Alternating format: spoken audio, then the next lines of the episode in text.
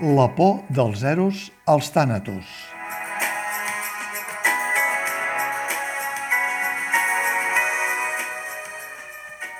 Les últimes dades d'ocupació situen en més de mig milió els catalans que no tenen oficialment feina, és a dir, que estan en la categoria d'aturats.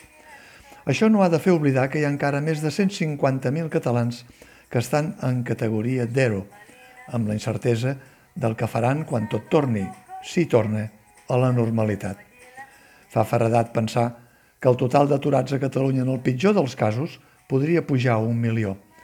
Les notícies més recents no són gens optimistes.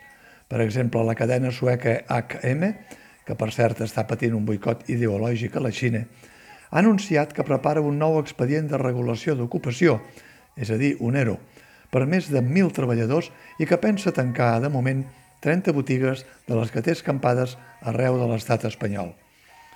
Però no només les cadenes de roba o la restauració, entre altres sectors, són els que més pateixen els efectes de la crisi originada pel coronavirus, perquè el xarampió ja ha arribat novament, com va passar el 2008 amb el crac financer immobiliari a les entitats financeres.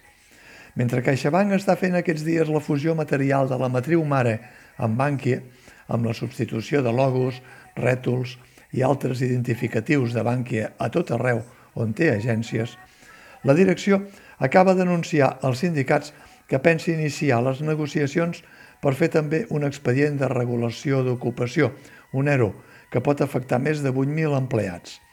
CaixaBank, que s'ha convertit en la primera entitat bancària espanyola després de la fusió amb Bankia, adverteix que aquest ERO anunciat no serà selectiu, que afectarà tots els centres de treball de l'entitat i que comportarà una modificació substancial de les condicions de feina dels treballadors. L'avís de CaixaBank és el tret de sortida, com altres vegades ha passat, del que faran darrere seu altres entitats bancàries.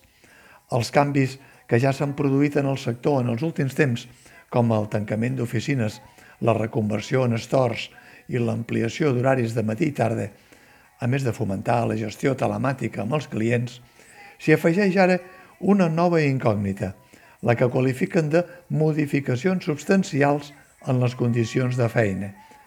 Que tothom entengui el que vulgui. Però qui ho havia de dir que la mitologia grega tindria tant de pes en les relacions laborals del segle XXI?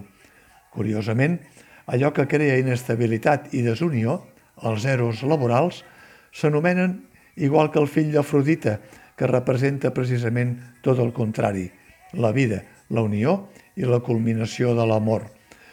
Potser començaria a ser hora que els expedients de regulació d'ocupació, els EROs, s'anomenessin més aviat tànatos, aquell altre mite grec del jove amb bales i espasa que domina el destí dels humans i que Sigmund Freud va representar com el màxim oponent de l'Eros.